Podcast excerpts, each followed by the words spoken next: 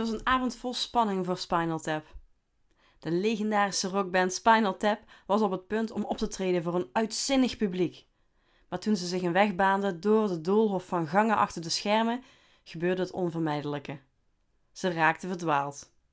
De bandleden stonden te staren naar een oneindige rij deuren en gangen, proberend zich te oriënteren. De liedzanger probeerde tevergeefs de weg terug te vinden. Hij was zo opgefokt dat hij nauwelijks nog helder kon nadenken. Bassist Derek Small stond te pijnzen bij een rij posters van andere bands die daar hingen.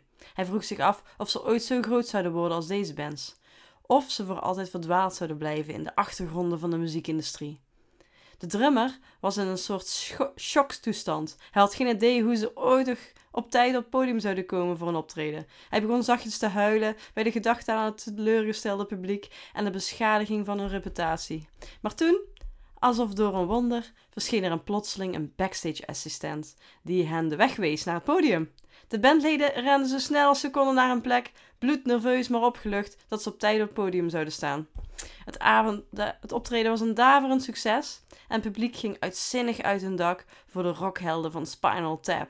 Maar voor altijd zou deze verwarrende en beangstigende ervaring van het verdwalen achter de schermen een blijvende herinnering blijven voor de bandleden. Dit is zomaar een scène uit de hilarische Amerikaanse rockumentary Spinal Tap uit 1984. We uh, refereren met onze band zelf ook wel eens aan als we ergens spelen waar het podium maar moeilijk te vinden is. Maar goed, zo speciaal is het eigenlijk niet. Veel muzikanten zijn wel eens de weg kwijt.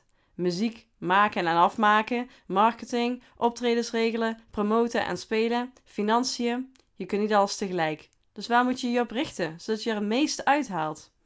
Er zijn zoveel dingen die je wilt en er is zo weinig tijd. Je kunt wel in je eigen hoofd blijven zitten, maar soms heb je gewoon even hulp nodig met focussen. Iemand die met je meekijkt, die samen met jou je doelen bepaalt en op basis daarvan even in een uurtje schoon schip maakt en de meest concrete en belangrijke actiepunten op een rijtje zet. Ik heb er al zeer regelmatig muzikanten mee. En daarom introduceer ik nu iets nieuws: de Artist Focus Support Session. Een laagdrempelige en efficiënte manier om je focus terug te krijgen via een videobelgesprek. Voor maar 70 euro en dan momenteel geen BTW uh, en een tijdsinvestering van 60 minuten heb jij een soort APK-check uh, waarin je weer helder krijgt waar je de weer voor doet en wat de belangrijkste stappen zijn om verder te komen. Nou, voor meer informatie over die Artist Focus Support Session kun je er veel meer over lezen en jezelf eventueel aanmelden. Uh, ga daarvoor naar de link in de show notes. Uh, informatie dus over de Artist Focus Support Session.